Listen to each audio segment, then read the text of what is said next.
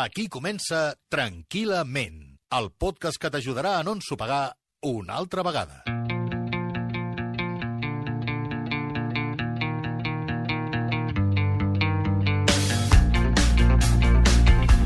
Bon dia, bona tarda, bona nit.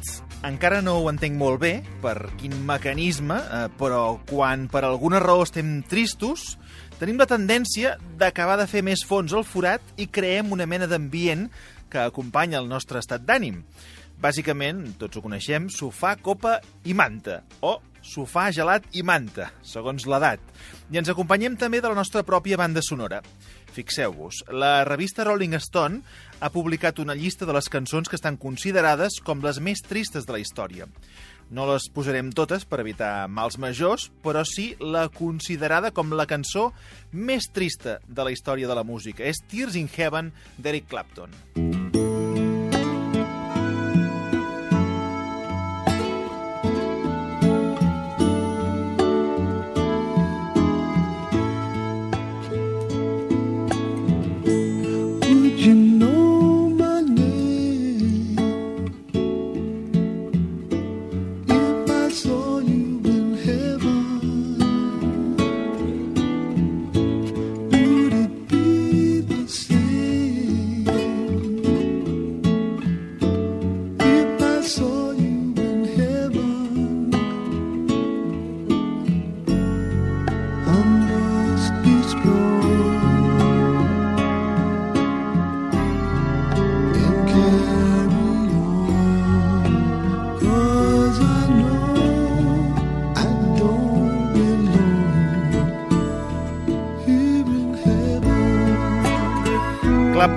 dedicar al seu fill Connor, que va morir l'any 91 quan jugava al seu apartament de Nova York. Malgrat això, Clapton mai ha deixat d'interpretar-la als seus concerts. Però el més curiós del cas és que quan Rolling Stone va publicar una llista de les millors cançons de la història, quina va incloure?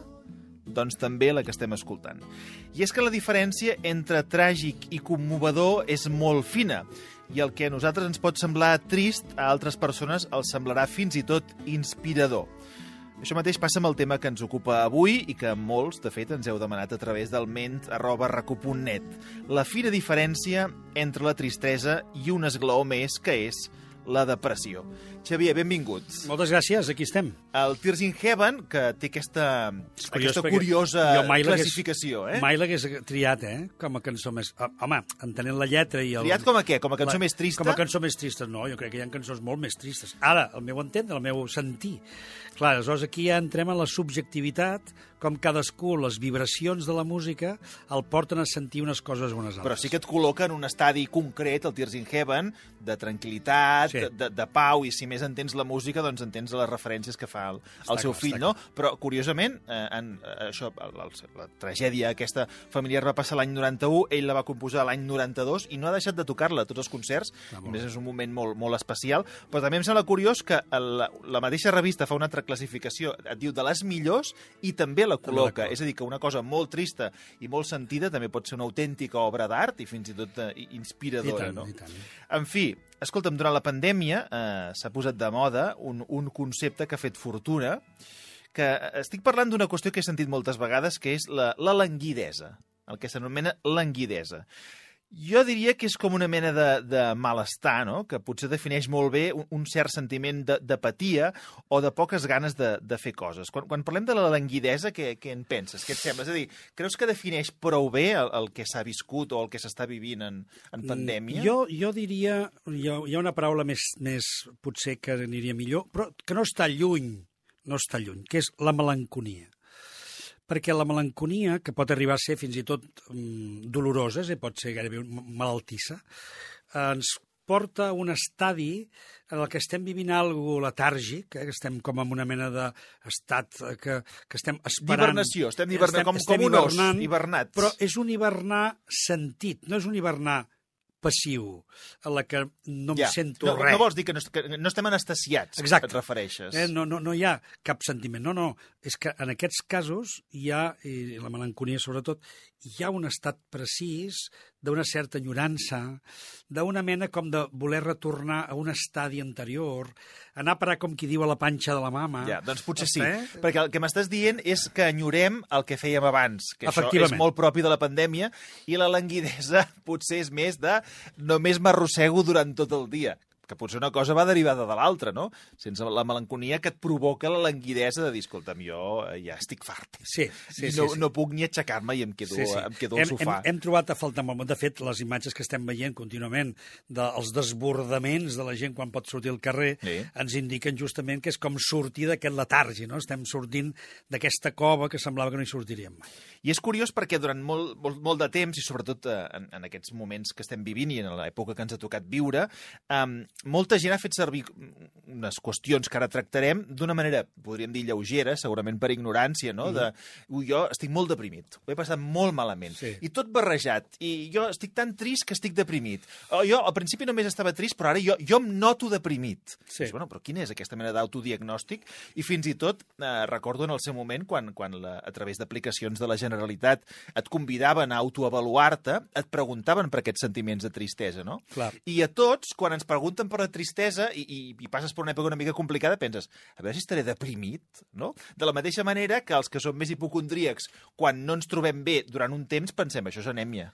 Ja fas el diagnòstic, no? Efectivament. Llavors, a, a veure si, si, si podem anar eh, destriant tota Sí. aquesta fullaraca, no? Sí. Per començar, sentir-nos tristos és, és normal o ens ha de fer sospitar d'alguna cosa? No, no, no, no. Sentir-nos tristos forma part del bagatge emocional del ser humà.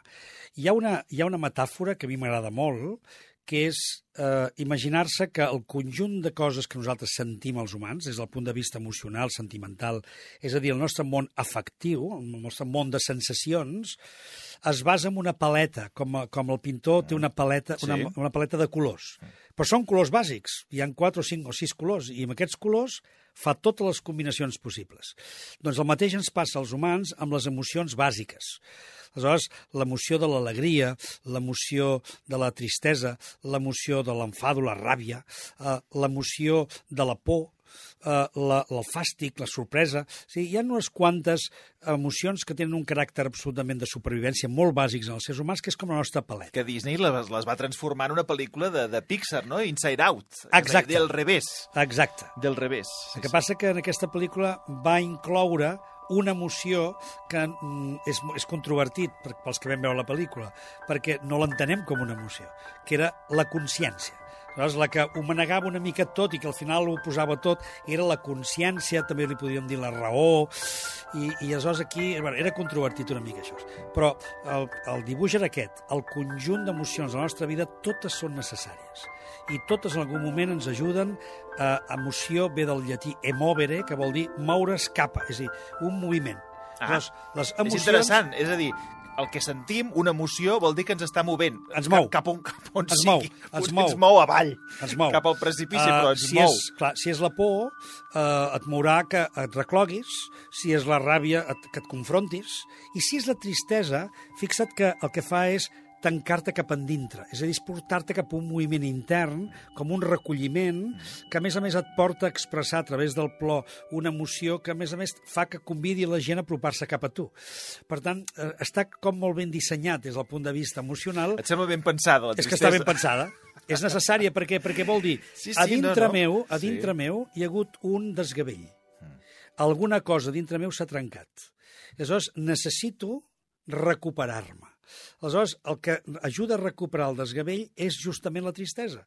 En canvi, és viscuda, sobretot aquests últims anys, és viscuda la tristesa com un element més aviat disruptiu, com un element que molesta. Jo no et volia interrompre perquè m'ha agradat aquest punt que has tingut d'admiració cap a com funciona la tristesa, però jo no sé si determinades persones tristes o fins i tot persones que ploren, de vegades que criden l'atenció. A vegades estem en aquesta fina línia, que hem comentat algunes vegades, de, bueno, aquest, aquest que està una altra vegada amb les seves coses, eh, deix- deixa el que plori en un racó, de vegades no genera aquesta empatia, la tristesa, eh? Sí, però aleshores perquè vol dir que no veiem com un plor autèntic, sinó veiem com un plor que ja es forma part una mica d'una sensibilitat... No, de vegades que és que la gent passa de tot. D'un eh, perfil Xavier, emocional, Que, que, no, no, eh? no vull culpabilitzar el pobre que plora, però de vegades la gent doncs, té, té poca empatia, no? i de vegades el trist o el ploraner bueno, se'l deixa una mica, ja està amb les seves coses i ja hi torna una altra vegada. Bé, I potser també entenem que potser el que necessita és fer aquelles quatre llàgrimes i, per tant, deixa'l, deixem-lo. Deixem-lo que faci les quatre llagrimetes, també, també. que recuperi, perquè d'aquí una ja tornarà com si res. En canvi, quan parlem d'aquesta tristesa que ens apropa a l'altre, és una tristesa molt sentida, és una tristesa que ja nosaltres mateixos ja ens convida a sentir-la i ens convida d'alguna manera a apropar-nos a l'altre. Per tant, reivindiquem el Club dels Tristos. Oh, i tant! Però a veure, aquest club quanta estona hi hem de ser? O sigui, el, carnet... El carnet el, clar, no, vull dir, a veure, el carnet de soci del Club dels Tristos, quant temps dura? Perquè, és clar, aquí comencem a entrar i arribar al, al, al moll de l'os. Mira, eh, el tema de la durabilitat va en funció de el, el que ha causat la teva tristesa. Aleshores, és evident de que si hi ha un dol, si hi ha una mort, si és una mort molt sentida, molt propera, si és una mort o és un trencament o és una pèrdua, no podem exigir a la persona que en quatre dies estigui com unes castanyoles. I tu tampoc t'ho pots autoexigir. No t'ho pots exigir. Per tant, són emocions, sobretot aquesta, la tristesa, que no la podem forçar, ni endavant ni enrere. Ni puc plorar més, ni tampoc haig de deixar-me de plorar. És a dir, cadascú té el seu sistema, i a més a més ningú plora igual, ni ningú ho expressa de la mateixa manera. Per tant, hem de permetre que l'emoció estigui expressant-se i portant-nos a aquell estat de recolliment que necessitem justament per refer-nos. O sigui, no ets partidari d'accelerar ni de retrasar aquest procés. No. És la tristesa No. s'ha de... És una, No. una cascada que ha d'anar baixant no. aigua Ara, avall. dit això, també hem de dir una altra cosa. I això els experts en dol eh, també ho recordaran, no? També, també potser ens ho podrien dir. I és, un cop has fet el dol, un cop ha passat un període sobretot el període aquell que en diem el valle, que és el període aquell de la, de la passivitat, aquell que estàs com sumort, que estàs com... Mira, ja no plores, però tampoc no hi ha alegria. Perquè t'és igual una miqueta tot. Sí, aleshores aquest estat valle, aquest estat, eh, arriba un moment que ja, ja et, torna, et tornes a alegrar. És a dir, arriba un moment que ja tornes a començar a connectar amb la vida.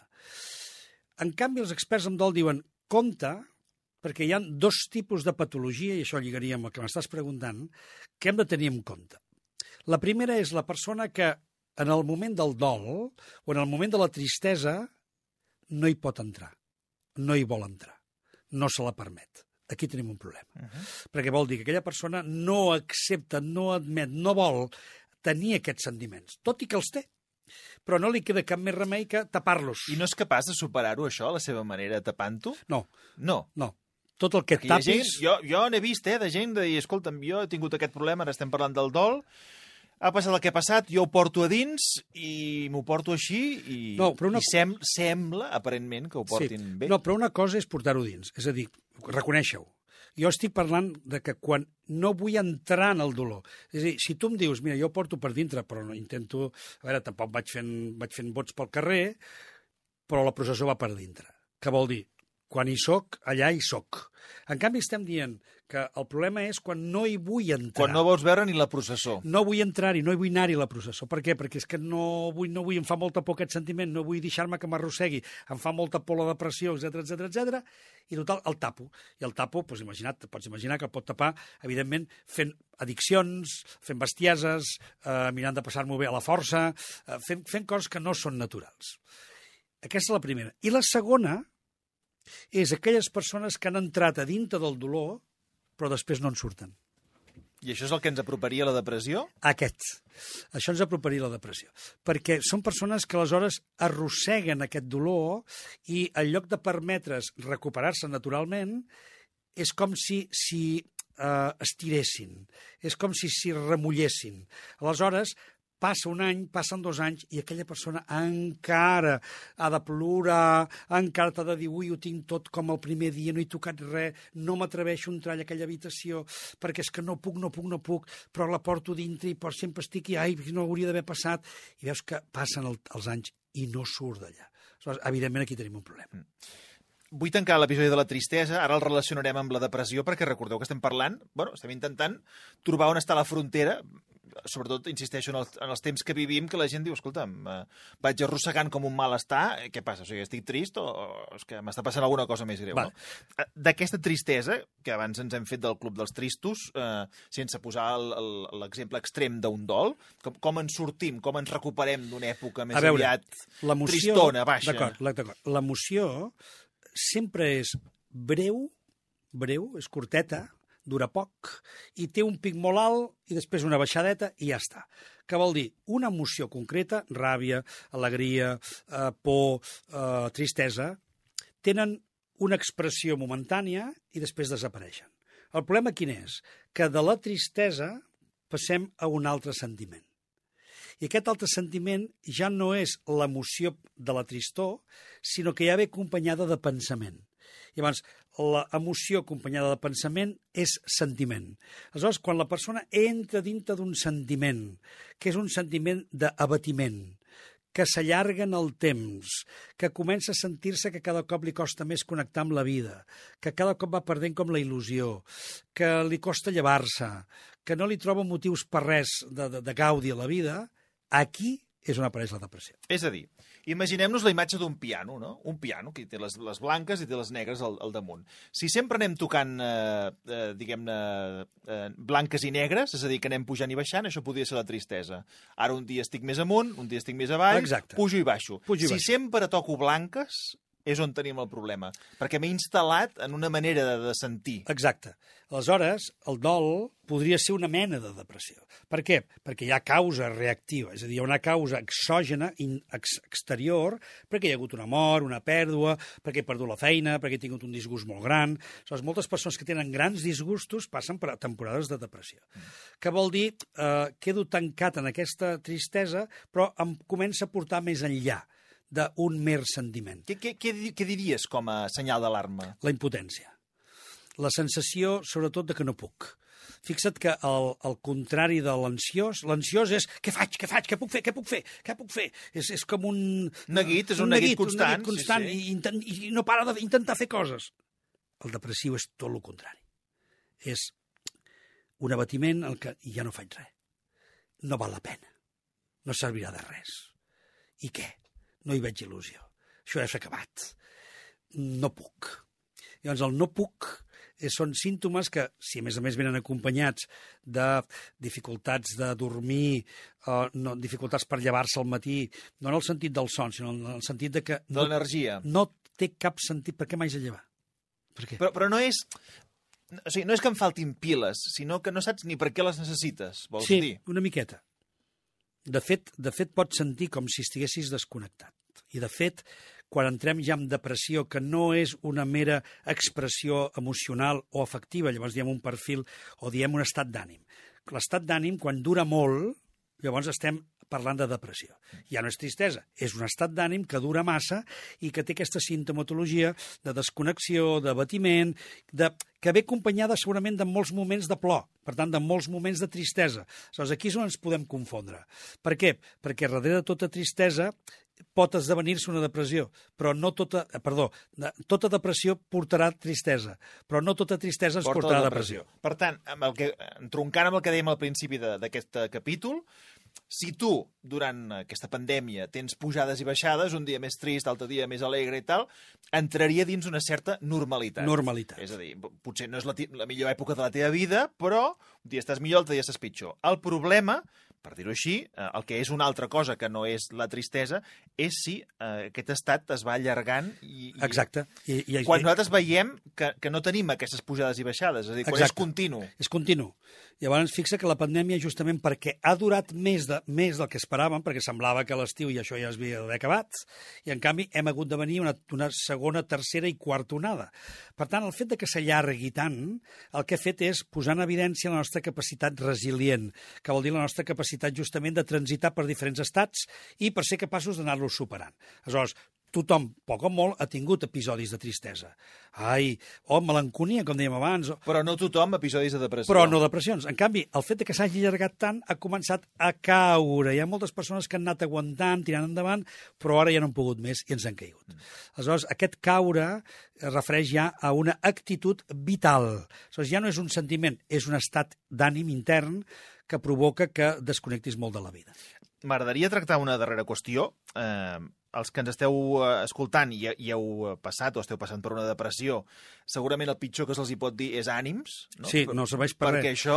Vull dir, No, no, perquè la persona aquesta és que ja, ja voldria animar-se, és Clar, que clar, no, no, ella vol animar-se. Tractem el deprimit com si no hi posés prou de fe, no? És dir, el deprimit, diguem-ne, prous problemes ja té, com perquè, a més a més, li, li col·loquis aquesta etiqueta de que no s'està esforçant. Sí. Vull dir, crec que hauríem de fugir, no?, de, de, De fugir. de dir-ne ànims. Però, per l'altra banda, també m'agradaria tocar una qüestió que és, els que ho veiem des de fora, quins, quins símptomes ens poden preocupar d'una persona deprimida? És a dir, com la podem identificar externament?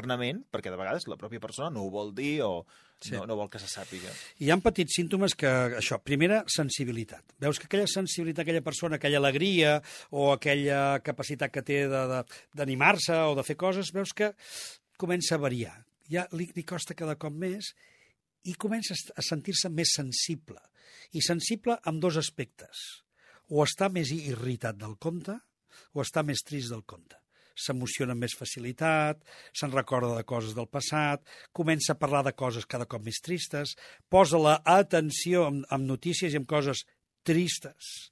Per tant, l'estat d'ànim ja està començant a influir en el seu pensament. En acabat també notaríem coses del tipus dificultat en el dormir, la capacitat, o sigui, no, no, tenir dificultats amb el son, eh, dificultats amb el menjar, se'm tanca l'estómac, no tinc gana, no, no, no menjo, i aleshores eh, comença a entrar la persona en abatiment. No tinc ganes. I quan ja comença a dir-te no tinc ganes, no vull, no puc, aleshores aquí hem de sospitar que alguna cosa està passant. Eh, crec que ni amb un podcast ni amb dos eh, tractaríem de manera adequada la depressió. No, perquè- Segurament seria una mala manera de tractar-la. Sí, perquè no? a més ens faltaria, i només ho dic només de passada, molt ràpidament, que amb això m'està parlant sempre de la depressió exògena, de la reactiva, que és aquella que correspon al que estem vivint. Perquè algunes depressions tenen un origen, un caràcter intern, és a dir, formen part de l'estructura de la persona, per tant, la seva bioquímica, eh, pot ser que hi hagi un dèficit molt gran de serotonina, eh, una herència que un, un ja rebut en, en aquest sentit de tendir cap a aquests estats d'ànim, i algunes persones que pateixen aquest tipus de depressió és que ja, ja fan tots els esforços per sortir-se'n i tenen temporades molt bones, però quan se'n van avall, se'n van molt avall. I per tant aquí ja parlem de el trastorn depressiu, que pot ser la depressió major, o trastorns ciclotímics, que temporals que estic molt amunt, temporals que estic molt avall, que aleshores ja repercuteixen en l'estat ànim general de la persona. Tot això ho deia perquè, és a dir, no, no, no donarem eh, ara la, la, la cura màgica per la depressió, perquè eh, crec que seria irresponsable fer-ho, no? A més a més, eh, sense conèixer ben bé el cas, però, escolta'm, tres apunts per a aquelles persones Sí. que ens escoltin Sí. i que estiguin en aquest, en aquest procés, diguem de depressió, i que els hi puguem donar doncs, una llum al final del túnel. Eh, primer punt, acompanyar sense donar masses ordres ni masses... Això, ni voler estimular, ni voler animar, ni vinga, va, eh? no forçar la persona. Per tant, primer de tot això, acompanyar, estar al seu costat. I estar al seu costat amb coses pràctiques que vol dir, mira, potser ara toca que, com que no tens ganes de fer... Que ja, jo ja n'hi he comprat, ni és a dir, abastar una mica perquè la persona se senti assistida. Una altra cosa molt important, eh, crear-li condicions perquè pugui fer activitats, sobretot des d'un punt de vista estable. No es tracta d'animar-lo a sortir a fer coses, però sí que tingui una, un programa d'activitat estable, que vol dir cada dia el mateix. I això sembla mentida, però ajuda moltíssim. Crear una rutina. Una rutina. Llavors, el que pots ajudar-lo molt és que tingui una rutina. I si aquesta rutina inclou eh, ara llevar-se i sortir a fer una passejada, surt i fes la passejada. O és que no en tinc ganes, és que no n'has de tenir ganes, has de tenir motius, no motivació. Per tant, surt a fer la passejada. Per què? Perquè si hi ha alguna possibilitat que et distreguis, que t'animis una mica, és quan estiguis fent alguna d'aquestes coses. A casa, al sofà, evidentment, allà no et vindrà. Per tant, aquestes petites coses ens poden ajudar i entendre que és un procés que ha de fer la persona. Si el procés la persona veiem que no se'n surt, llavors ha de ser acompanyada. I aquí sí que hi hem d'intervenir els professionals, perquè, evidentment, doncs, la persona aquí, segurament ella mateixa o el seu entorn, no és suficient per tirar endavant.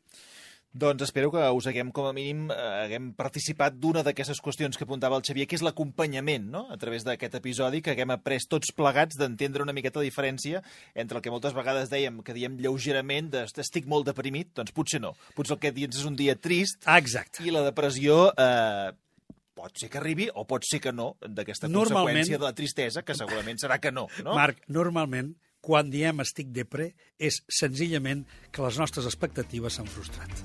Xavier, gràcies. Gràcies a tu. Heu escoltat tranquil·lament. Si no heu entès res, no és problema vostre.